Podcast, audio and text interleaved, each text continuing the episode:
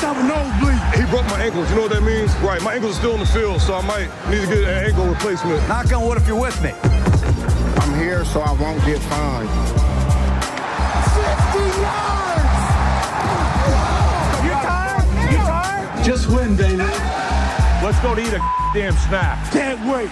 Välkomna till Viaplays NFL-podd Divisional Round Weekend med mig Marcus Brian och Viasats expert och kommentator Oskar Strauss. Hur är läget hemma i Sverige? Ja, men det, det är fantastiskt. Solen skiner, det är grönt på träden, gräset är helt grönt, 22 grader.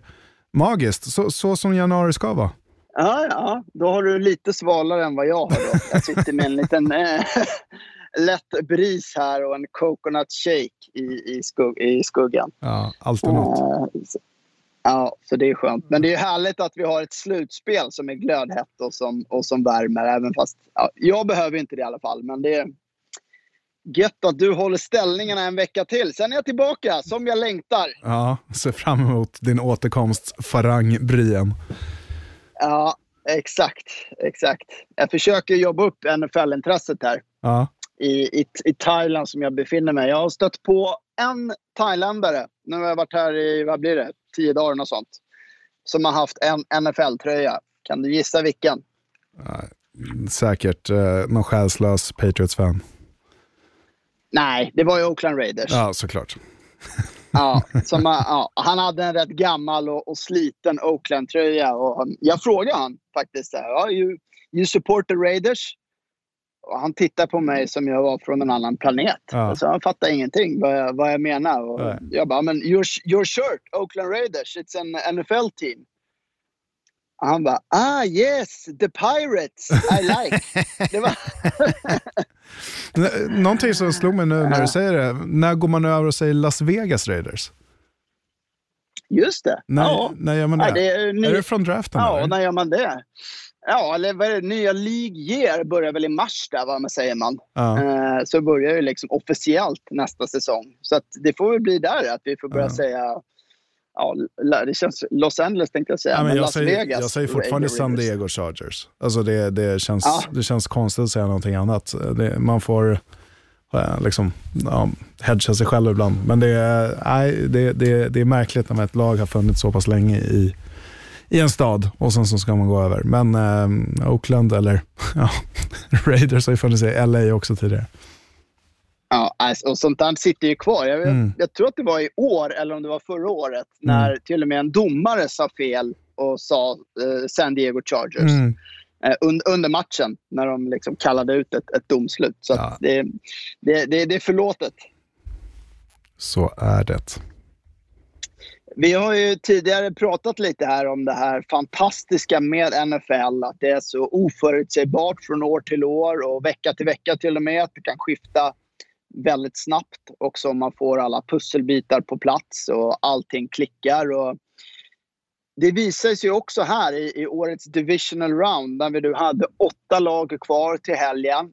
Men där endast ett var i divisional round förra året och det var ju Kansas City Chiefs. Mm. Och Det var bara något som kom upp för mig där och det är lite därför man älskar den här ligan. Och också som ger, och det ger ju också, tänker jag, hopp till alla oss fans till lag som inte gått till slutspel. Att jag menar, kan 49ers nu till helgen som kommer spela NFC Championship Game och vara favoriter när man förra året gick 4 och 12 och var ligans faktiskt näst sämsta lag, som Mm. är ofattbart när man tänker på det, så kan det ju ske till nästa år.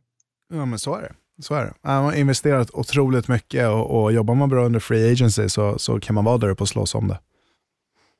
Ja, och det är lite det som är eh, charmen med hela NFL också. Alltså bara ett av åtta lag. Det, det är ju ganska så extremt ändå. Då man brukar se många traditionella lag återkomma, i alla fall säg hälften, Mm. med, med Patriots, Steelers och, och, och ja, Seahawks och så vidare. Mm. Nej, det, det, Men innan... ja. Nej, det är jäkligt kul att, att, det, att det svänger så pass mycket och liksom det föds nya stjärnor varannan vecka känns det som och, och nya spelare att hålla koll på. Ehm, men, men, ehm, och, och det är alltid någonting som händer under säsongen som gör att ja, det här skiftar helt. Jag tänker, ja, vi kommer komma till den här matchen, men Seattle Seahawks har hur det såg ut i, i mitten av säsongen och såg otroligt starka ut med tre running backs och, och nu finns det ingenting kvar. Liksom. Ja, det är ju så. Det är ju faktiskt en, en, en del som man inte ska underskatta. Att Mm. hålla sig skadefri Mm. eh, i, i så hög utsträckning som möjligt. Det Mm. är ju otroligt viktigt. Mm. Eh, men innan vi dyker in på, på helgens matcher tänker jag att vi ska plocka upp eh, lite igen coachkarusellen som vi varit inne på. Och där senaste veckan har ju bland annat då Carolina Panthers hittat sin headcoach i Baylors Matt Rule. Mm. Och Oskar, vad, vad har du att säga om Rule? Oj, eh, nej men en klassisk college coach som har vänt program egentligen i college. Um, var på, ja, så långt som jag kan minnas i alla fall, eh, på Temple. Tog över det programmet och, och gjorde det väldigt bra och lyfte ett, ja, ett ganska tråkigt program som har varit eh, liksom ett stryklag väldigt länge.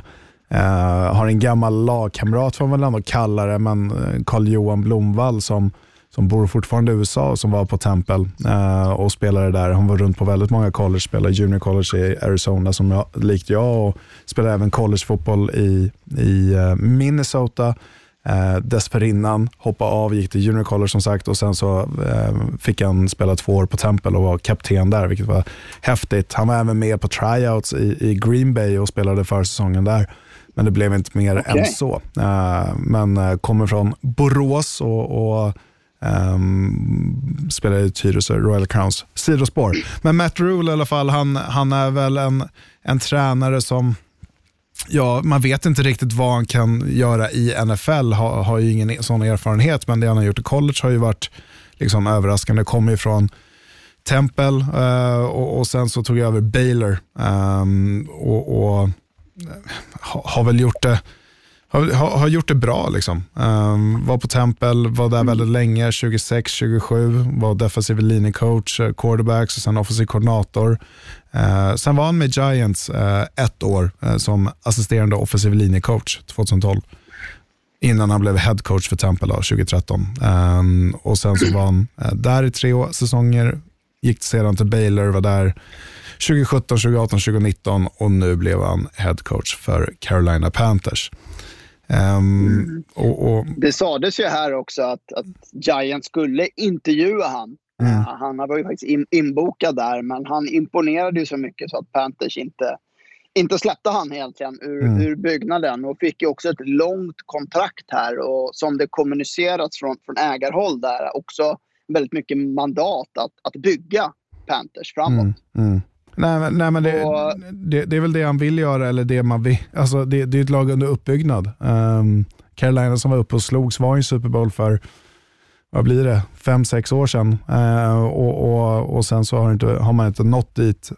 Och- men man har ett par bra bygg, byggstenar som man kan jobba vidare på och sen ska man fylla ut det här laget och, och göra dem bättre. Och när han kom till Baylor, hans första år, han var 1 och 11.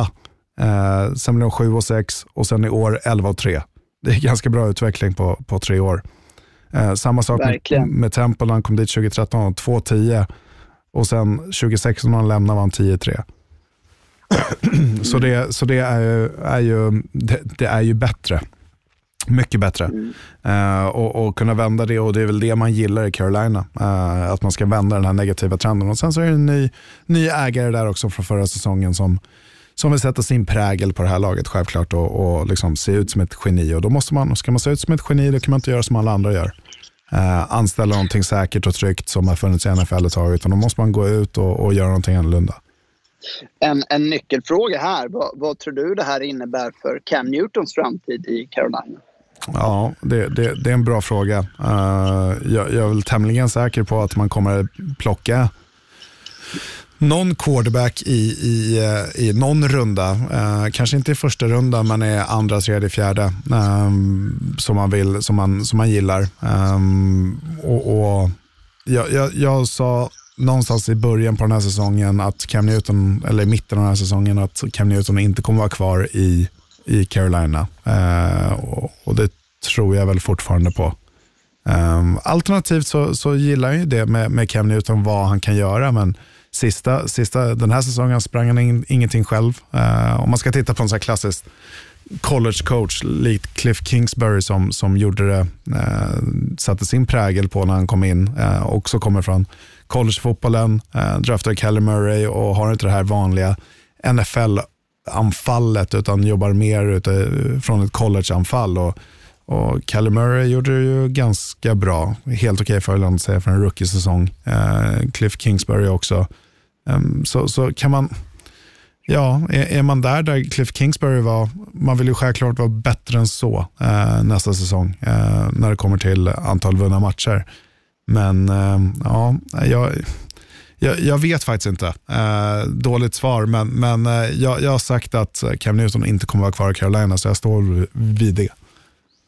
Mm. Det var väl Bears va, som du sa att han, han skulle passa bra i, om jag minns rätt. Ja, men eh, om man verkligen gillar Mitchell Trubisky och, och ska fortsätta med honom, och lite ägaren gick ut och sa för några veckor att, liksom att det är väldigt många toppar och dalar.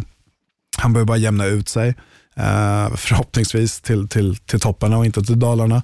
Uh, så, så kan man ju ta in en veteran och liksom tävla med honom Um, och, och, men jag tror inte Cam Newton skulle vilja göra det, men han är ju fortfarande under kontrakt så han kan ju bli tradad. Och sen vet jag inte hur mycket man vill ge för honom heller. Han har ju ganska stort kontrakt också, så det, det ska ut en del pengar. Så det ska vara ett lag med, med uh, någon öppet salary cap också, som, som kan ge, mm. ge lite pengar också. Um, så ja, jag vet inte om Chicago kanske är rätt ändå, men, men eh, vi får, uh, tiden, får, tiden får visa. Mm. På tal om uh, Trubisky såg jag en rätt rolig sån här meme om honom. Den sån här breaking. Donald Trump announces that he's sending Mitch Trubisky to Iran in order to overthrow their leader. ja. Alltså. Ja. Hög nivå. Ja. Uh, uh, det var hög nivå. Ja. Eh, på tal om Giants så valde ju de också att anställa en ny coach i New England Patriots Special Teams-koordinator Joe Judge. Mm. Att bli deras nya head coach. Och, ja, lite av ett wildcard där, eller vad säger du? Ja, men man ringde ju upp eh, Bill Belichick och, och, Bill Belichick säger att äh, jag vet inte vad, vad tiden kommer utlysa, men, men jag kommer inte vara intresserad av att gå tillbaka till Giants, där, där han en gång coachade. Eh, men, eh, men jag har en bra kille här som ni kan anställa. Joe Judge, han, han skulle passa bra. Eh, och så gör man det. Rakt i händerna.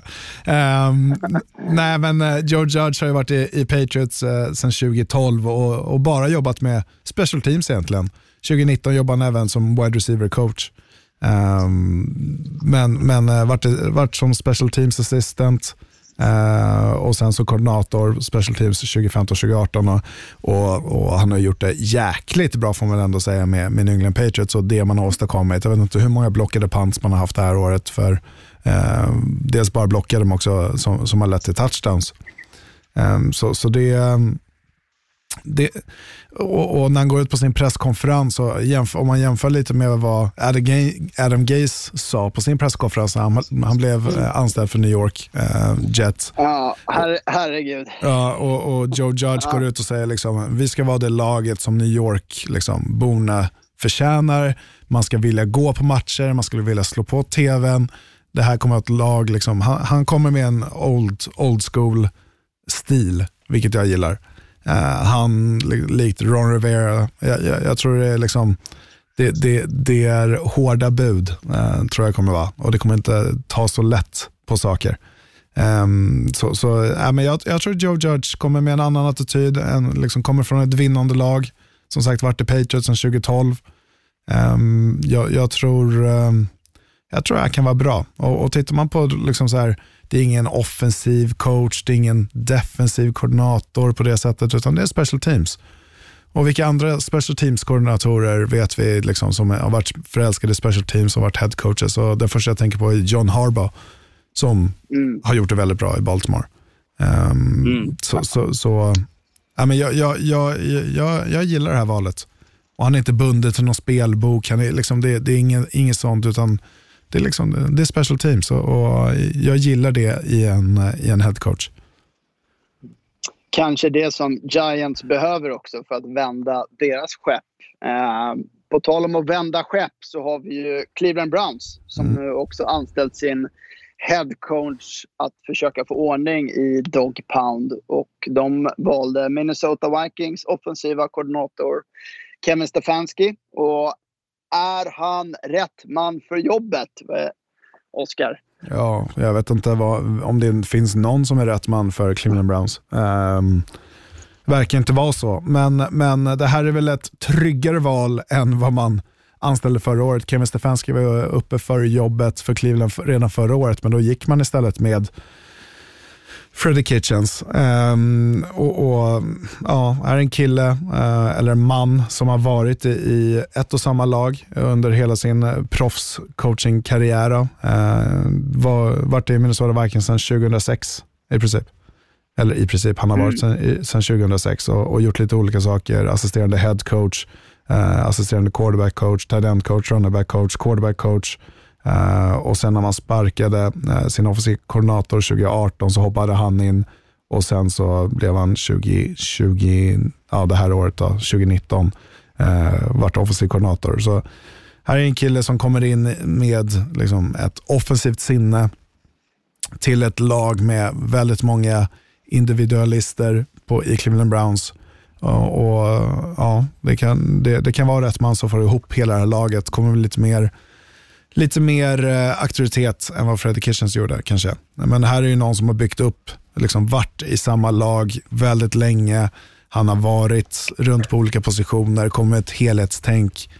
Men sen så kan man ju titta tillbaka på ja, men hur, hur gick det, liksom, hur såg det här laget ut när det kom till, till offense. Um, och när jag ser, vi kommer komma in i det, när man ser 49ers-matchen och, och vissa situationer, andra 18, tredje 18, två raka springspel. Så, här, jaha, liksom, vad, vad, vad tänker man här? Ja, visst, Delvin Cook, all pro running back, men ja, vi kommer komma in på det. Men eh, ja, ja, för att säga, liksom, ja, det här var det som fanns kvar. det var det som fanns kvar. och, och man gillade honom förra året, Ja. man gick med Freddie Kitchens. Och jag, jag, kan, jag kan eh, förstå att man gör, gör det här valet i Kevin Stefanski.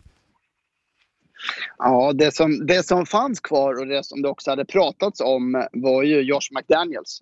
Som Mm. ryktades till många headcoachjobb men nu inte fick något. Eh, vilket också innebär då att han troligtvis blir, blir kvar i, i Patriots. Vilket också kanske tyder mer på att även Tom Brady blir kvar där. Inte Eller är du, är, du, är du överraskad att ingen gick på, på McDaniels? Nej. Nej, eh, alltså för det han gjorde, dels vad han har uträttat när han varit headcoach i Denver Broncos. Ingen liksom, ja, han vann en, en slutspelsmatch mot Steelers med Tim Tebow som quarterback. Jag vet inte om det förtjänar eh, liksom en, en trofé eller inte. Men, men, men eh, han, eh, det sättet han, han signade på för Indianapolis Colts och sen så drog sig ur. Vem vill riskera det? Det är ju- opolitligt om något. Alltså det, det, vare sig det är i, i livet i övrigt eller om det är, om det är eh, head coaching, eh, att vara head coach i NFL. Vem, vem, vill, vem, vill, vem vill eh, anställa en sån person? Jag skulle inte vilja göra det. Ja. Eh, Nej, nej snacka, snacka om att han brände ut sig där förra året. Ja. Han, eh, nej, men jag, jag, när jag, han tog, tog det beslutet. Ja, men jag skulle inte vilja göra det, så jag, jag är inte överraskad. Jag skulle inte ta, ta liksom, han har vunnit mycket och så vidare och är en bra offensiv coach, men han kanske ska vara just en offensiv koordinator bara. Mm. Och, och liksom det, det är ju fine också. Det, det, alla ska inte behöva bli head coach. Alltså alla ska inte behöva vara, vilja vara vd på börsbolag. Det, det, så- är det bara. Men, men ehm, nej, jag, jag, jag, jag skulle inte anställa uh, Josh McDaniels. En annan som också troligtvis blir kvar då, som också var rätt hypad, var ju 49ers defensiva koordinator Robert Sala. Mm. Ja, och, och Men nej, jag vet inte. Det, det har ju gått ganska snabbt för Robert Salla också. Så, så eh, kanske vara kvar något år till. Eh, bevisa verkligen vad man går för. Ehm, och, och han varit, i, han varit defensiv koordinator i, i 49ers i, i, sedan 2017. Nej, jag, jag kanske skulle, skulle sitta kvar lite längre, något år till, se vad det här leder och sen nästa år kanske ta klivet i sådana fall. Om man fortsätter prestera. Mm. Nog om det. Nu dyker vi ner i helgens divisional round.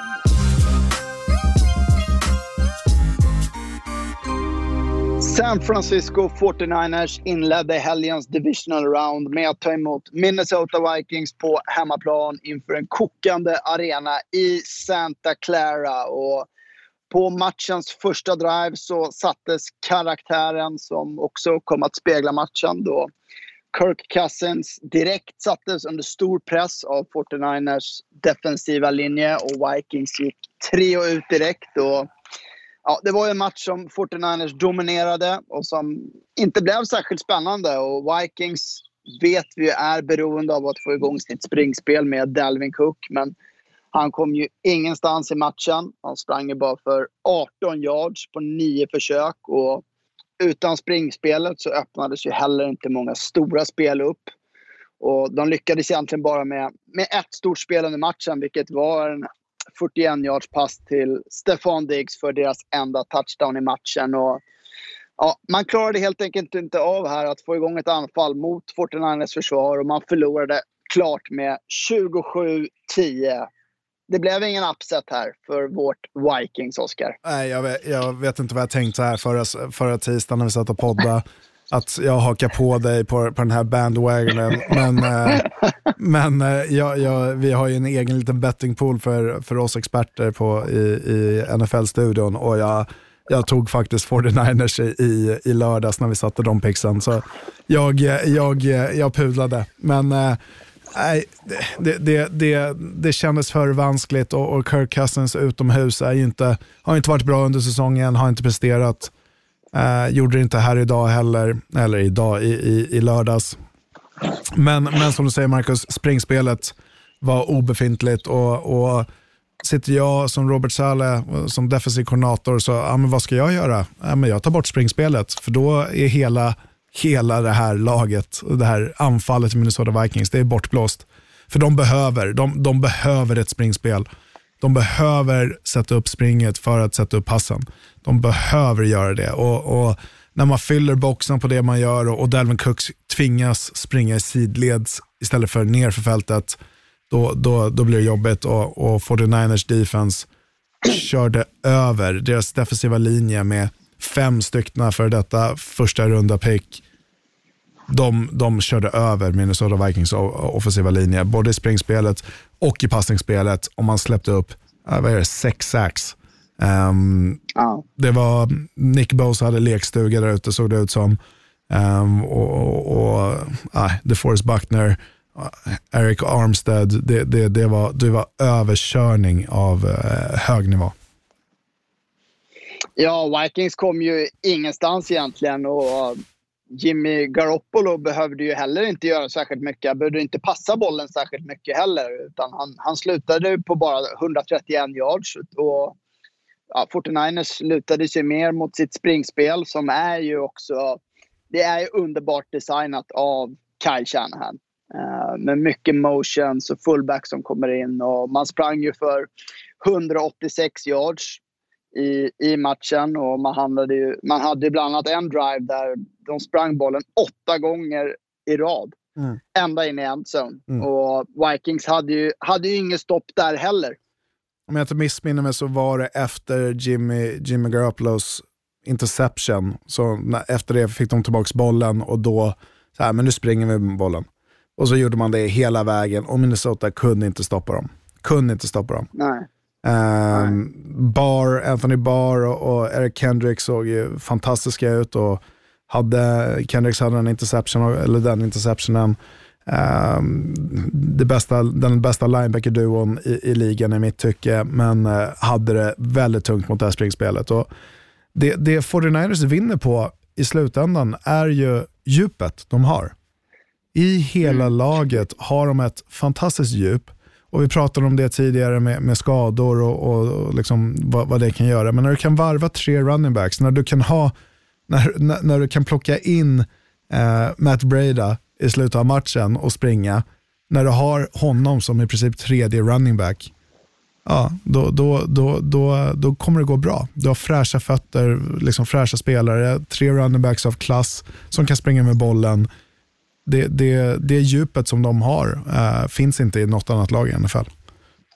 Nej, jag tänkte på precis samma sak egentligen när jag såg 49ers här. Alltså, vad, vad är deras svaghet? Och det enda jag kunde komma på det är väl ja, den andra cornerbacken då bakom Richard Sherman. Mm. Uh, Witherspoon tror jag han mm. heter. Uh, I övrigt så, så ser jag egentligen inga direkta svagheter någonstans. Mm. Utan de är ju väldigt kompletta mm. Som lag. Och vad som också imponerar, eller har imponerat med 49ers i år är ju också alla de har olika sätt att kunna vinna matcher på. Jag menar, den här matchen var ju mycket springa med bollen och deras försvar och de behövde inte göra mer. Men de har också bevisat att de kan ju passa väldigt mycket om det behövs. Mm. Som vi såg mot bland, bland, annat Saints där de slog upp en 50 poäng. Mm. Uh, och det är också en enorm styrka att kunna vinna på olika sätt då, jämfört med, med Vikings då, som är så beroende av sitt springspel. Mm. Ja, att kunna göra det i vissa situationer Ja, men de går upp i en ledning, i, i, i, eller har en ledning i princip hela matchen. Men, men i tredje kvarten så, så sparkar man in ett field goal med 17-10. Och det är fortfarande liksom, det är en touchdown som skiljer dem. Men, men Vikings kom aldrig nära i, i, i andra halvlek. Det, det, det, är lite märkligt. Man kan, man kan slå dem genom att det kändes tryggt hela vägen, även fast det bara var en touchdown. Och Det, det är lite så mm. signifikant att man, kan, att man kan vinna på det sättet. att ja, men det, det, är lugnt, vi kan springa med bollen ifall du behöver det. Men om det kommer ner till en sån situation, likt Saints, att man har två minuter på sig att gå ner och, och sätta ett field goal för att vinna matchen, ja, men då kan man göra det också med, med bra passningsspel med Debo Samuel, och eh, Emmanuel Sanders och George Kittle bland annat. Och, och det, är mm. an, det är olika spelare som lyfts och kommer fram i, i olika matcher och, och tar ledartröjan. Här är Tevin Coleman med 105 yards och två touchdowns. Liksom, här är ingen, in, ingen receiver eller tight end som har över, över 45 yards. Tibbo Samuel 42 Nej. yards. Bourne 40. Sanders 33. Och, och, en av ligans absolut bästa tight ends, George Kittle, 16 yards. Liksom, det behövs mm. inte mer. Mm. Och du vinner matcher på Nej. det här sättet. Och, och, kan du göra det och ha det djupet samtidigt ha ett väldigt bra defense?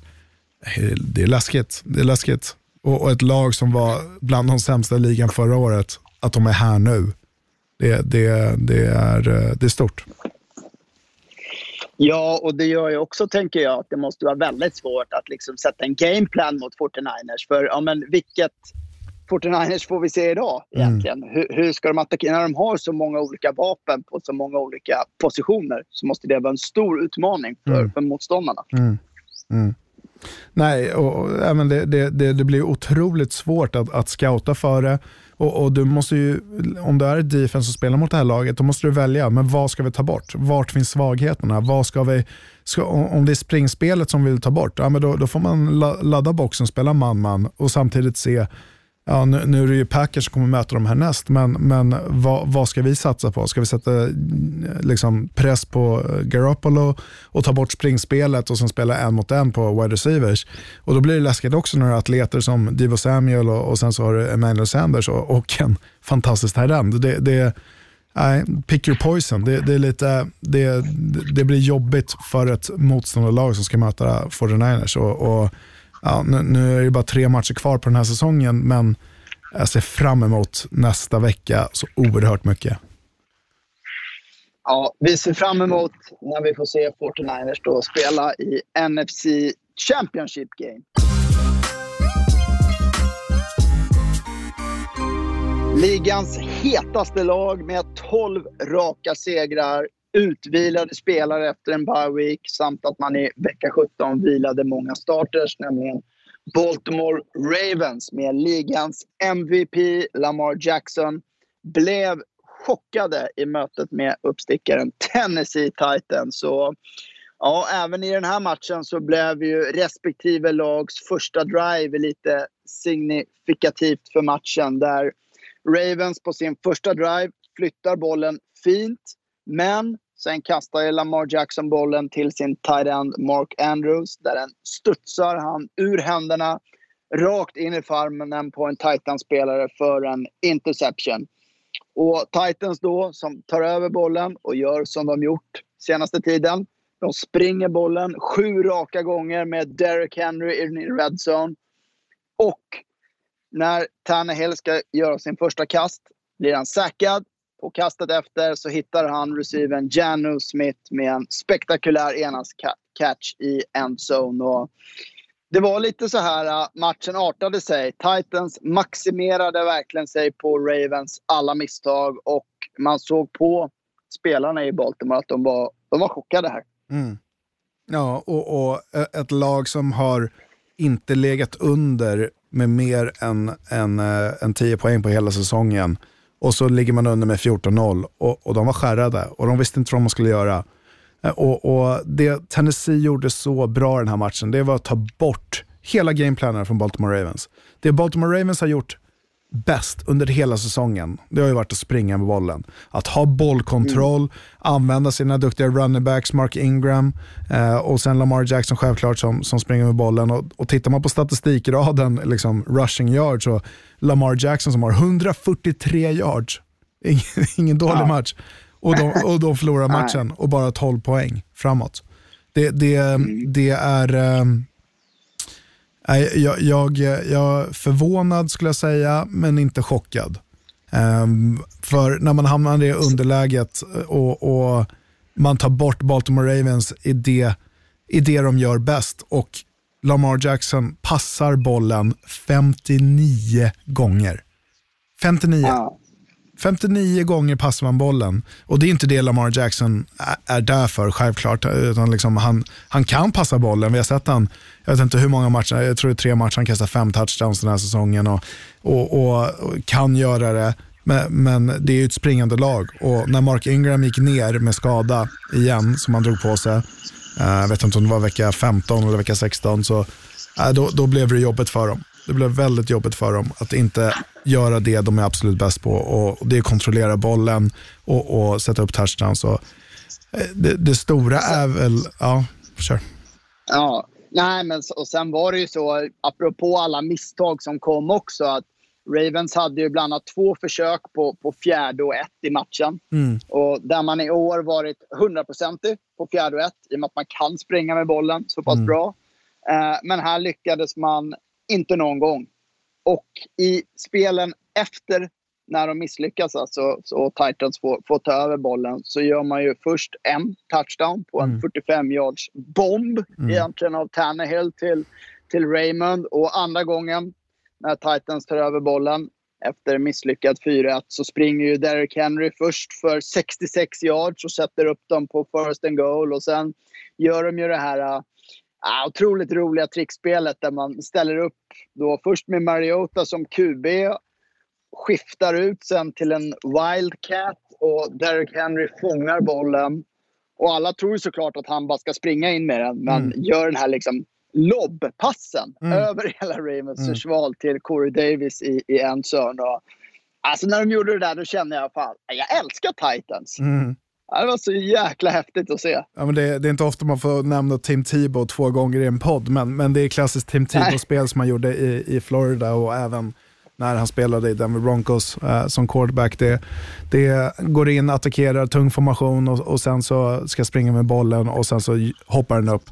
Dante Poe eh, gjorde det också för Kansas City för några år sedan eh, på goal line, stora defensiva attacken som spelar i Atlanta numera tror jag. Eh, och, och Nej, det, det, är ett fint spel. Uh, Derek Henry har inga, inga rushing touchdowns den här matchen, men 195 yards och en passande touchdown. Um, mm. Fantastisk match. Och när Derek Henry springer med bollen, det, det, det är så vackert. Jag blir tårögd varje gång jag ser honom springa. En kropps... Det går så fort. Han är så stor. Och det, Hans överkropp rör sig liksom inte. När han bryter ner för det här långa, långa, eh, långa spelet på 66 yards, hans överkropp är i princip bara still. Liksom, det är inga skiftningar, ja. det är bara benen som pumpar på. Och, och, och sen, eh, ja, pratade Derek Henry, hur han gör det mot när Earl Thomas ska försöka tackla honom. Det är ingen som vill tackla honom. Ja, just det. det är ingen som vill tackla nej, honom. Jag tycker också, nej, man tycker man ser att jag menar, linebackers som kommer upp i hålet, de känns ju nästan rädda och ja. ibland studsar de bara av honom. Liksom. Och det var ett spel i början av matchen när Derek Henry är nere på goal line och, och kommer så nära in för en touchdown och, och det de gör bra då, det, det, är bort, det är en som håller upp honom men kan inte stoppa honom. Och så kommer nästa spelare in och lyfter upp benen på honom. Det är enda sättet att stoppa honom. Du kan inte stå en mot en och försöka stoppa Derek Henry i, när du står i axelhöjd eh, med honom och ska försöka tackla honom, utan du måste ta bort benen på honom. Och Det, det är Mm. någonting som Kansas City Chiefs måste se upp med eh, och det, det är ju springspelet. Um, Mm. tar man bort det så, så har man chans att vinna, men återkommer inte det. Och det blev ju så också. Och spelet efter det här trickspelet när, när Ravens får bollen, ja, vad händer då? Igen ett misstag. Lamar Jackson famlar bollen. Titans är direkt i red zone. Mm. Tannehill springer in en touchdown. Det står 28-6 och då hade ju luften gått ur verkligen. Och Mm. Det är ju mycket det här moment, avgörande momentets sport, alltså amerikansk fotboll. Jag menar, Ravens de flyttade ju ändå bollen. Och jag såg här, de hade ju alltså drives som slutade då på Titans 30, 36 yardlinje, deras 31, deras fjärde, deras 18, deras 15, deras 16, deras 21 och deras 31 och man gjorde 12 poäng. Ja, men alltså, det är helt otroligt. 29 Det är helt otroligt. first downs. 29 first downs. 530 yards framåt. Om man bara tittar på det så här, ja, det här är ett lag som vinner överlägset, tänker man. Ja, to- ja, 12 poäng. Men det, det, det är de här små misstagen och, och den fumblen som Lamar Jackson drar, drar på sig. Han håller bollen alldeles för länge. Alldeles för länge. Men, men det- det, man kan summera i den här matchen är att det, liksom, Tennessee Titans defense var så bra. Så bra. Att göra det här laget, att, att skapa de här situationerna, att ta bort Lamar Jackson, att få honom att kasta bollen 59 gånger på en match. Visserligen springer själv med bollen 20 gånger, men håller dem till 12 poäng. Det, det, det är ett väl coachat lag. Väl coachat lag. Och att vem trodde det när man gick in i den här säsongen att Ryan Tannehill som sitter på ett ettårskontrakt skulle gå in och leda det här laget, Tennessee Titans, som alltid går 9-7, 7-9, kanske tar sig till slutspel, vinner, kan vinna en match men sen åker ut med, med dunder och brak, är i en AFC-final. Ja det, är, ja, det är fantastiskt. Och det är ett lag som man också tycker om att titta på. Och man, man, man sitter ju själv och bara wow, vilka, Mm. som du säger, vilka, vilka spel. Och En sak som jag tycker, som jag snappade upp också, som jag tycker är intressant är ju att de nu har ju spelat 18 matcher i år. Man har 56 touchdowns, men de har bara sparkat 8 field goals på 18 matcher. De, ju, de är ju också ruskigt effektiva i, i red zone. Där man har alltså på 10 raka besök i red zone gjort 10 raka touchdowns. Mm. Och det är väl kanske också för att man har Derek Henry. Att Ja, men- kunna springa bollen med. Ja men så är det. Och, och när man behöver göra det själv också, Ryan Tannehill kan ju springa med bollen själv. Och, och Han fick in en touchdown på, på ett optionspel, går till höger och det är ingen som attackerar Ryan Tannehill. Man fokuserar bara på Derrick Henry och så plockar ner den och, och trycker in sig själv för en touchdown. Eh, och, och eh, Jag ser fram emot den här AFC-finalen. Och liksom Ryan Tannehill, det, som du säger Marcus, det är kul att titta på Tennessee Titans och jag vet aldrig, om jag, jag tror aldrig jag skulle säga det, men ett lag som passade för 91 yards, 88 yards av Ryan Tannehill, att det är kul att titta på det laget. Jag tror aldrig jag skulle Ja. säga det. Men, men här, här står jag i, i efter divisionals och säger Tennessee Titans är ett jäkligt roligt lag att titta på. Och Derek Henry är en fantastisk spelare och hur han har vuxit till den spelaren han är idag från när han kom in i ligan och såg relativt trött ut. Lite för stor, lite klumpig och så här står han nu, tre år senare och, och gör det väldigt, väldigt bra. Ja, ja, alltså andra halvlek i den här matchen så var ju alltså Ryan Tannehill en av fyra passningar, lyckade passningar för nio yards i andra halvlek. Nio yards, passade yards. Och Derek Henry då, 377 yards på två slutspelsmatcher. Mm. Och sett till matchen, alltså en, en rättvis seger för Tennessee. Inget att snacka om. Verkligen. Och du vet ju, det här var ju första gången också sen 2010 ett sjättesidat lag slog ett första sidat lag. Och vet du vilka som gjorde det då? 2010? 2010. Uh, kan inte varit... Kan inte varit... Nej, jag, jag är tom. Det var ju såklart Rex Ryans Jets ledda av Mark Sanchez som quarterback som vann mot Patriots Oj, oj, oj. i en fantastisk match som jag minns. Den bästa Jets-match jag sett. Är det Bart, är det Bart Scott uh, Can't Wait? Innan... Ja, Jajamän. yes. Och de avgör med ett, med ett field goal i, i slutet. Och, nej, det var fina minnen. Det var San Antonio, San Antonio Holmes touchdown där i vänstra endzone. Oh, jag får rysningar här i, i värmen.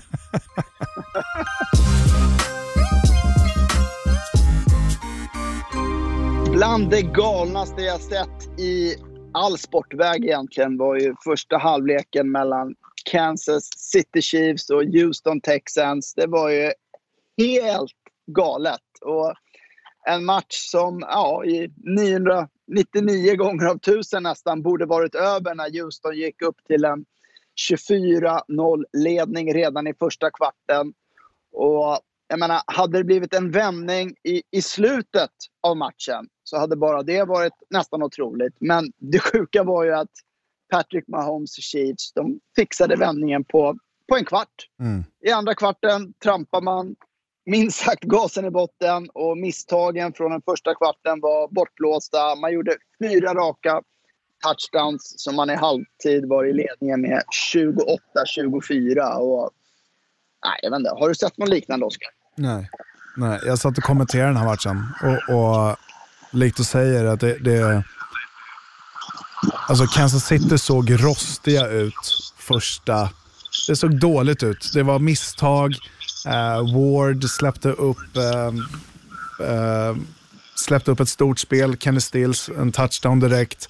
Och sen så eh, har du eh, Johnson som blockerar en punt, eller tar upp en blockerad punt och, och springer in den. Nej, jag, jag, jag, jag kan inte tänka jag, jag, jag, vet inte vad jag gjorde när de ledde med 24-0 och jag var helt övertygad om att Kansas City, det här skulle varit det lättaste picket den här veckan. Det skulle varit det lättaste. Och de, när, när de ska gå upp in eh, och, och, vinna mot Houston på hemmaplan. Och sen så händer det här.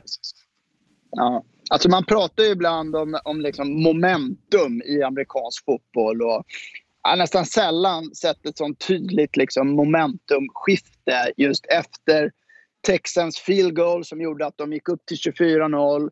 Och på eh, kick-off-returen där Nicole Hardman sätter upp en väldigt bra retur. Och bara några spel senare så var man i, i endzone för sin touchdowns och sen var man ostoppbara i Chiefs. Man gjorde mm. alltså touchdown på sju raka drives. Mm. Sju raka! Och ja, som, som 52 poäng i första halvlek var ju rekord i slutspel i NFL. Och, hur kan det bli så här att det bara skiftar från ena till det andra så pass snabbt? Ett, en, äh, men, där börjar någonstans. När, man, när Texans... Bill O'Brien säger efter matchen att man måste, man måste göra touchdowns i den här matchen för man vet vad man möter i Kansas City. Man, man vet att man behöver sätta upp touchdowns. Och då, när man har fjärde och ett, så väljer man att sparka ett field goal. Och sen på driven mm. efter så, så går man för på egen plan halva på fjärde och tre med en fejkad punt och misslyckats. Ett fantastiskt mm. bra spel, en fantastiskt bra tackling av Sörensen. Uh, men, men, att man gör det, det, det, det, är lite märkligt. Det är märkligt i mina ögon och, och det var där någonstans det, det vände. Där fick man självförtroende uh, av det här. Uh, man, man uh, satte upp en, uh, liksom, man hade redan satt upp en touchdown, nu hade man chans att sätta upp en, en andra. Och, och, på det sättet man gör i andra kvarten, första driven, efter det här stora spe, spelet med Carl Hardman på, på kickoffen, 59 yards, två spel. Eller 59 sekunder tar det på två spel. Andra driven, då är det tre spel som tar 23 sekunder av klockan. Tredje driven, mm. Kelsey igen. Då då, då, då är det 1.25 som tas av klockan. Och sen så, eh, och sen så har det eh, Kelsey igen. Då är det två minuter av klockan som tas. Och då är man uppe med 28-24 ledning. Alltså på, ja. på fem minuter, vad blir det? Två, tre, ja fem minuter ja, var... drygt. Så, så, så, ja. så sätter man upp fyra touchdowns. Helt galet. Ja. Helt galet.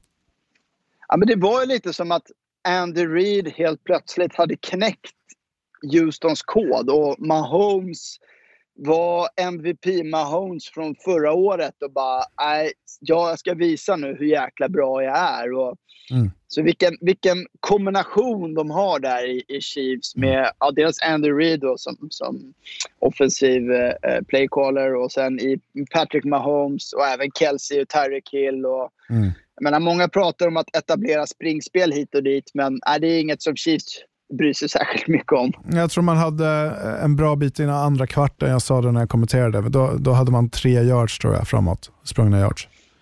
Eh, och Ja. Sen så var det Patrick Mahomes som sprang själv i, i stora delar i, i, i andra halvlek och, och man kunde inte stoppa honom. Eh, sju, sju försök för 53 yards när han sprang med bollen själv. Men, men eh, det var, eh, det var, det var jag gillar ju Andy Reid, jag gillar Patrick Mahomes, jag gillar Kansas City Chiefs och, och, och främst på grund av Andy Reid. Men, men när de låg under med 24-0, jag hejar ju som sagt inte på något lag, men jag var, aldrig, jag, jag var riktigt, liksom inte riktigt orolig att det här skulle rinna iväg för Houston. För den tilltron till det här laget och de offensiva spelarna som man har i Kelsey, Watkins, Hill, liksom Michael Hardman, Damien Williams, det, det, det, det, och självklart Patrick Mahomes. Det, det, jag var aldrig orolig på det sättet att det skulle rinna iväg. Och sen hur man gör det i andra kvarten. Ehm, men men det, Nej, såg, och- det, såg, det såg inte bra ut. Det såg inte bra ut och alla var väldigt låga på sidlinjen. Till och med fansen buade i första kvarten. De buade ut Kansas City Chiefs. Och sen, så, och sen så vände man på det och sen så har ljudvolymen aldrig varit så hög. Nej, och det var lite kul också att Chiefs fyrverkerier på arenan tog slut för att de gjort så mycket poäng. Ja. De hade, deras sista poäng, field goal och touchdown, då var fyrverkerierna slut. Fick De de, nöja sig med de här De, flaggorna. för, de förväntar sig inte sig sju touchdowns alltså. Nej, nej. Nej, men sen eh, du nämnde Travis Kelce. Han, eh, Houston, de kunde ju inte täcka honom i den här matchen. De försökte med det mesta, men, men det gick inte. Även trots att de försökte dubbla och satte olika kombinationer på honom. Så, så han var ostoppbar. Ja, men börjar första driven med att tappa en boll som Travis Kelce har tio gånger av tio normalt sett. Tappar en boll helt ren och, och, och, och, så bara, ha vad händer här nu?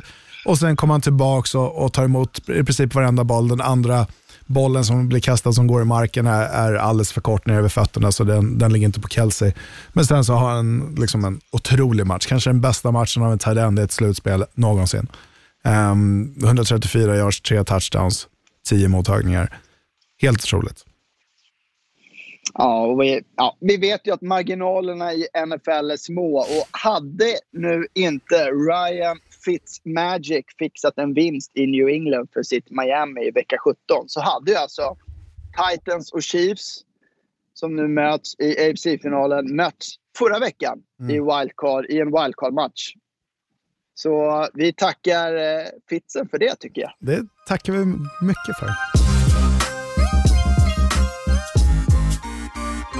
Sista matchen för helgen spelades på Lambeau Field där Green Bay Packers tog emot Seattle Seahawks och två lag som i år påminner till viss del om varandra med att de har vunnit många tajta matcher. De vill springa med bollen och de har två quarterbacks i Aaron Rodgers och Russell Wilson som är fantastiska men där känslan ändå är att de skulle kunna släppas loss lite mer för att få ut lite mer av sin briljans. Och efter att ha sett matchen innan, som vi nyss pratade om, så kändes den här matchen i alla fall för mig lite som... Ja, det var skönt att kunna varva ner till. Det var inte lika mycket för, för, fyrverkerier här, utan det var lite mer balans, om man säger så. Då. Och de försökte grinda sig fram, fram i, i första halvlek. Och där Packers var mest framgångsrika. De hade ju två touchdowns av Aaron Jones längs marken och en av Devonta Adams på en snygg float-passning av Rogers. Och Seahawks kom egentligen ingenstans i första halvlek. Låg under med 21-3. Men som jag sett förut, när man släpper loss Russell Wilson lägger hela liksom anfallet på honom så händer det saker i Seattle och man var ju nära här Mm att få att faktiskt kunna komma tillbaka in i matchen. Ja. Men nu lyckades man inte. när jag såg den här och, och efter första halvlek låg man under 21-3, då känns det så här, hur ska det här gå? Hur ska, hur, ska mm. man, hur ska man komma igång? För ingenting så bra ut på, på, på offense för, för Seattle och man kunde inte stoppa Devante Adams. Det gick inte att stoppa Devante Adams. Uh, superknepigt. Det, det, jag hade förväntat mig att Aaron Jones skulle ha en stor dag, men uh, det var inte Adam som hade en, en fantastisk första halvlek och, och sen även stora spel i, i andra halvlek också. Uh, Aaron Rodgers såg inte skrämd ut av ögonblicket och uh, han var 10 för 10 på alla passar. Nej, 6 av 6 för alla passar över 10 yards. Uh, och, och, där han har tagit chansningar under säsongen som inte gått fram. Det gick fram här i, här i den, denna här matchen mot Seattle Seahawks. Eh, de såg bra ut, Green Bay Packers, på hemmaplan i ett snöigt Lambo. Um, ehm, nej, jag, uh, som vi sa innan Marcus, Green Bay Packers kanske är det sämsta 13-3-laget man har sett på, på länge. Men uh, här i, i uh, söndags natt så, så spelar de upp till förväntningarna för ett 13-3-lag som har hemmaplansfavör i divisionals.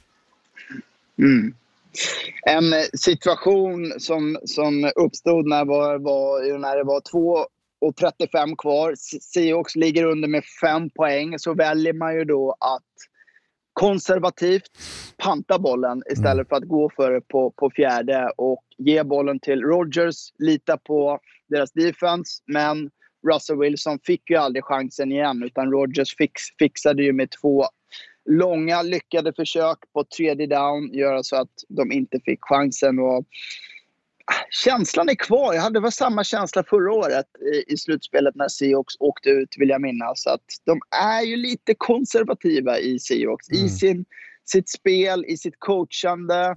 Mm. Eh, eller vad, vad, känner du? Jag tycker det är tydligt här i andra halvlek att det är Wilson som, som bär laget helt själv. Man hade ju inget springspel alls att prata om i, i matchen. Och känslan är att man försöker anpassa spelarna mer till en idé istället för tvärtom. Mm. Ja, men man, man, man, eh, man, spelar ju rätt enligt boken, enligt, enligt mig i alla fall. Man har tre touchdowns. Eh, eller tre, tre touchdowns, tre stycken eh, timeouts. Eh, och, mm. och, Man ska bara få till ett stopp mot, eh, mot Green Bay. Klockan stannar bara två minuters varningen också, så det är fyra stopp man har av klockan. Eh, och, och, Man sparkar iväg bollen. Problemet är att du möter Aaron Rodgers som du inte har lyckats stoppa i luften eh, på hela matchen i princip. Och, och man, man förväntas göra det här också. Jag vet inte om, om Pete Carroll lever kvar i Legion of Boom-eran när man tog sig till, till ett par Super Bowls här för för, för några år sedan och, och, att man har ligans bästa defense, det har man inte längre. Det har man inte längre tyvärr. Uh, och, Nej, och då, då hade man ju också ett, ett springspel i liksom Marshawn Lynch i sin, sin prime och, mm. och bättre o-line. Uh, lämpad för det. Mm. Men man är ju inte det laget längre. Uh, det är man ju inte. Nej, Nej och, och det, det Russell Wilson, liksom, ja, man, man, ska, inte, ska inte dra någonting över Russell Wilson, men det, det, det man ska, ska släppa honom fri, men det funkar ju inte i längden heller. Um, att bara liksom freeballa eh, precis vad, vad, vad, man vill göra. Man ska sätta press på honom så får han springa runt och så uh, hittar han en Tyler Locket långt ner för fältet på sidlinjen som är en fantastisk mottagning. Det håller ju inte en hel säsong självklart. Men, men uh, för att återgå till Pete Carroll och, och det beslutet man gör jag, jag, förstår honom. Eh, jag förstår honom, men eh, det, det, det föll inte ut hela vägen. Och, och Speciellt inte när man har kunnat, inte kunnat stoppa Green Bay Packers på, på eh, hela, hela kvällen eh, i princip. Men momentumet var med, med, med Seattle Seahawks i andra halvlek. De, de kom tillbaka och det kändes bättre och, och det var väldigt nervöst på läktarna i, i Green Bay. Så, så men du är på bortaplan. Du är på bortaplan. Du får inte det hemmastödet liksom när det är tredje nio, tredje åtta, när man lyckas få fram först en pass till Devonta Adams och sen en pass till Jimmy Graham som lyckas ta de här first, uh, first downsen. Mm. Känslan är ju att Seahawks nådde här sin, sin lite fulla potential med att ändå gå så här långt med tanke på så många tajta matcher de också spelat i, ja. i år. Och ja, vi får väl se nästa vecka om Green Bay kan få ut mer av, av sitt lag, vilket lär krävas mot San Francisco 49ers.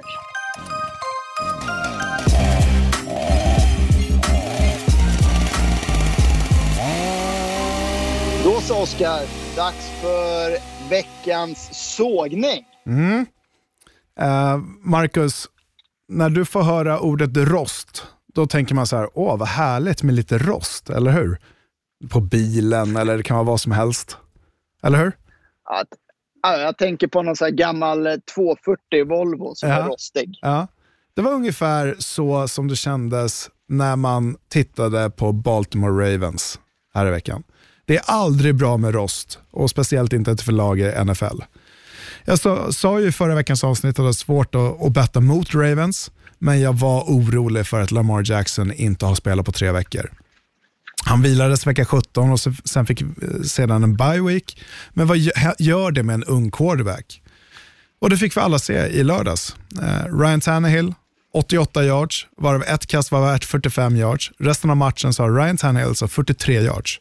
Smaka vi den. 43 yards resten av matchen. Och man skåpar ut Baltimore Ravens på bortaplan. Det, det jag vill framföra är egentligen att man kan vila Aaron Rodgers, man kan vila Tom Brady, man kan vila Drew Brees. De, de har varit i sådana här lägen tidigare. Lamar Jackson har inte varit det. Tre veckor av att få höra att man är MVP, man är den bästa någonsin, man ska krossa Titans och man kommer få spela Super Bowl. Man behöver bara liksom stöka av Tennessee Titans. Pressen är enorm på en 22-årig quarterback. Man vill liksom inte sätta honom i den situationen. Mycket tankar går runt i ett huvud, ett 22-årigt huvud under tre veckors tid när man har haft en fantastisk säsong. Men jag tycker samtidigt att det är väldigt orättvist att lägga den här förlusten på, på Lamar Jackson. Han är anledningen till att man är där man är idag. Man gick 14-2 under säsongen, eh, men, men det, det är inte hans fel. Utan det är John Harbaugh i min mening. Hans coaching var rostig likväl. Två misslyckade fjärde downs som han gick på. Quarterback sneak som alla kunde förvänta sig. Liksom sitter och skriker i, i min soffa, så här, sneak, liksom alla vet om det. Man är åtta av åtta på fjärde down på, och fjärde och ett under säsongen. Men så misslyckas man två gånger mot Titans. För uppenbart. För naivt och man blev för slö. Nej, förlusten ska inte läggas på en 22-årig Lamar Jackson utan på en 35 år äldre John Harbaugh i min mening. We got a game ball.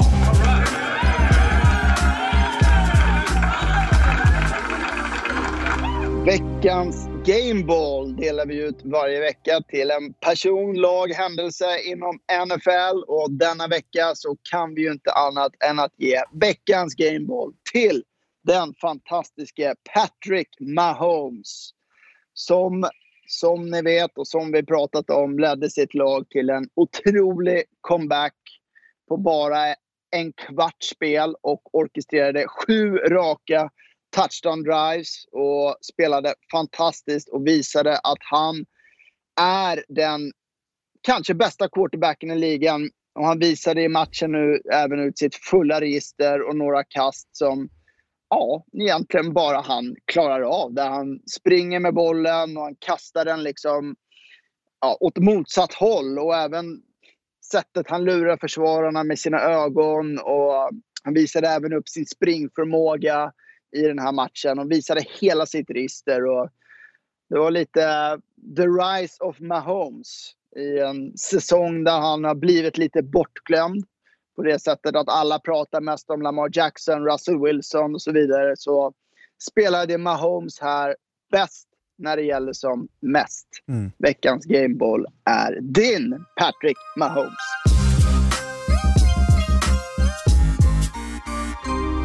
Bara tre matcher kvar i år, Oscar.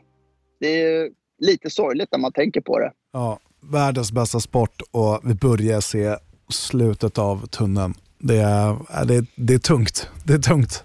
Men, men det är tre Men- fantastiska matcher kvar. Ja, det är ju inte vilka matcher som helst. På söndag med start 21.05 så har vi först AFC Championship Game mellan Kansas City Chiefs och Tennessee Titans. Så, ja, de här lagen möttes ju även under säsongen i Tennessee då Titans vann med 35-32. Och har man slagit både New England Patriots och Baltimore Ravens övertygande på bortaplan så kan man ju inte göra misstaget igen och räkna bort Tennessee i den här matchen. Eller vad säger du? Nej, men det, det, det går ju självklart inte. När man slog dem och på ett helt annat sätt hur man slog dem också är ju det som är eh, intressant. Eh, eller helt annat sätt ska jag inte säga, men man kommer bakifrån och vinner matchen efter att eh, Kansas City Chiefs har missat två stycken field goals. Och, och Derek Henry sprang då för 188, 188 yards och två touchdowns. Så det är väl den formen han, han har bibehållit och haft med sig in i slutspelet och gjort det här också de två senaste matcherna. Och kan väl inte förvänta mig någonting annat. Och det jag är orolig för, jag, jag håller ju Chiefs som, som att de ska vinna den här matchen på hemmaplan. Men kan man stoppa Derek Henry? Det är min fråga. Ja. Vi såg hur det Kan man det verkligen? Ja, Jag vet, jag, jag, jag vet inte. Och, och Det jag är lite orolig för är att Kansas City Chiefs springer, eller har ett 4-2-5 defense, alltså fyra stycken defensiva linjemän, två linebackers och fem stycken defensiva backar. Är det nog för att stoppa eh, en running back i, i, eh, i Derrick Henry? Jag, jag, är, jag, jag, jag är tveksam. Jag, jag, jag vet faktiskt inte. Men, men samtidigt så har du ett fantastiskt offense i Patrick Mahomes och Kansas City Chiefs. Och det kommer krävas en hel del av Tennessee Titans att stoppa dem. Men jag, jag, jag, måste, jag måste säga Kansas City, att de kommer vinna den här matchen. Jag, jag tror det. Men det, det kommer vara tufft och, och kommer det krävas en sån desperation som, som det var senast här mot Houston Texans, att man hamnar i underläge med kanske 14-0, likt eh, Tennessee gick upp på Baltimore Ravens, för att sen hämta igen det mot ett, ett bättre försvar i Tennessee Titans. Det är inte Houston, Houston Texans försvar, utan det är Tennessee Titans.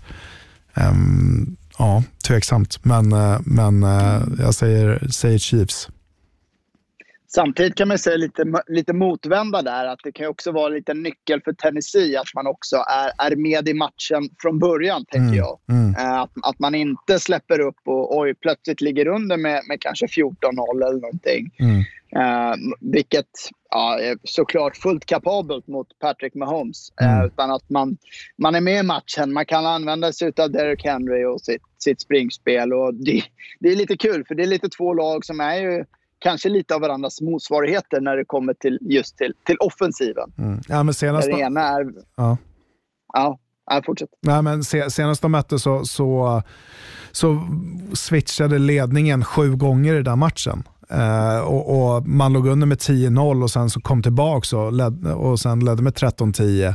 Eh, och, och Sen så gick det fram och tillbaka hela vägen in i slutet tills man hade en two minute drive, fick bollen eh, och kunde eh, gå ner och, och gå upp i ledning med, med 23 sekunder kvar eh, till 35-32 det, det, då var det en annan typ av Tannehill och, och Tannehill hade en, en, en bättre match än vad vi sett de senaste veckorna, men 181 yards bara och två touchdowns, så mycket kom i slutet av matchen. Så det, de har ju sin spelidé att springa med bollen och gå upp i en ledning. Och det är väl det man ska förvänta sig också, att det är mycket bollkontroll och sen spela tight försvar och, och ta bort nyckelspelare i, i Kansas City. Um, men ja, det blir jäkligt spännande. Mm. Jag måste ju också säga Kansas City här, hur mycket jag än har njutit faktiskt av att se Tennessee. Så någonstans så unnar man också Andy Reid det här. Att nu, det är hans tid nu att, att verkligen kunna gå hela vägen. Så jag säger Kansas City Chiefs. Så, ja, klockan 00.40. Sen natten mellan söndag och måndag så är det dags för NFC Championship Game där Green Bay åker till San Francisco. Och även de här lagen har ju mötts tidigare i år i slutet av november månad och då slutar det med en total kross faktiskt för 49ers som vann med 37-8. Och ja, vad skulle du säga talar för att det inte skulle hända igen? Mm. Jag vet inte. Aaron Rodgers spelar på hög nivå. Det är väl det som krävs och ett defense som kan hålla borta eh, de bästa spelarna i 49ers. Det, det, det kommer bli en tuff uppgift på bortaplan mot 49ers. Eh, och jag tror att man kan eh, man ska väl förvänta sig en 49ers vinst här. Uh, och, och, på det sättet man körde över Green Bay senast. Jag, jag vet inte, det, det, kommer krävas en rejäl insats från alla parter i, i Green Bay Package för att man ska gå in och, och vinna på bortaplan mot 49ers som har ja, enormt självförtroende just nu. Enormt självförtroende. Men det kan vara det ja. som är också fallet för dem, att man vet att man vann med 37-8 senast och det var en total kross. Ja, jag har ju så svårt att se att 49ers inte skulle vinna det här. Alltså, det skulle ju vara, om det är likt eh, inledningen i Ravens-matchen eller Chiefs-matchen, det är väldigt mycket som går emot. Stora spel från special teams, någon turnover, fumble och så vidare. Uh, och många sådana delar liksom inte går 49ers väg. Så ja, absolut, det är ändå Aaron Rodgers, men måste ändå vara stora favoriter här. Ja, och, och det man behöver göra är att sätta press på Garoppolo. Och det, kommer, det känns som att det alltid kommer en och annan anka från, från Garoppolo. När bollar bara flyger upp i luften på ett märkligt sätt. Och det, det är där Green Bay kan liksom kapitalisera och kan man plocka hem en och annan sån boll och sen göra poäng på tavlan, ja, men då, då har man en chans att vinna matchen. Men man måste sätta press på Garoppolo och, och fram, ta bort springspelet framförallt. Mm. Nej, ser fram emot de här matcherna otroligt mycket. Och kommer du kommentera? Jag sitter i studion. Det blir en, en eh, lång natt. Blir det. Härligt, härligt. Mm. Det ser vi fram emot.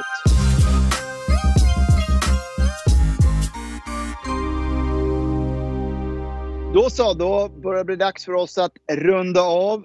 Tack för till alla er som lyssnat. Och som ni vet, det går bra att komma med frågor och feedback till oss via Twitter där vi heter @viaplaysnflpodd. Och nästa vecka, Oskar, då är jag tillbaka hos dig i studion. Äntligen! Härligt! Välkommen tillbaka, Farang Brien. Ja, verkligen. Det, det, ser jag fram emot, de här 20 graderna i Stockholm och gröna gräset som du pratade om. Ja, det är fantastiskt vackert. Ska bara se det. Ja, det är skönt. Det är skönt. Over and out säger vi nu. Marcus Brien och... Oskar Strauss. Ha det gott! Tjena! They can't stop a nosebleed. He broke my ankles. You know what that means? Right. My ankles are still in the field, so I might need to get an ankle replacement. Knock on wood if you're with me.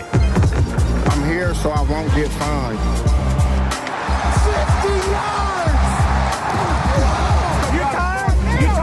Just win, baby. Let's go to eat a damn snack. Can't wait. Produceras av I Like Radio. I Like Radio.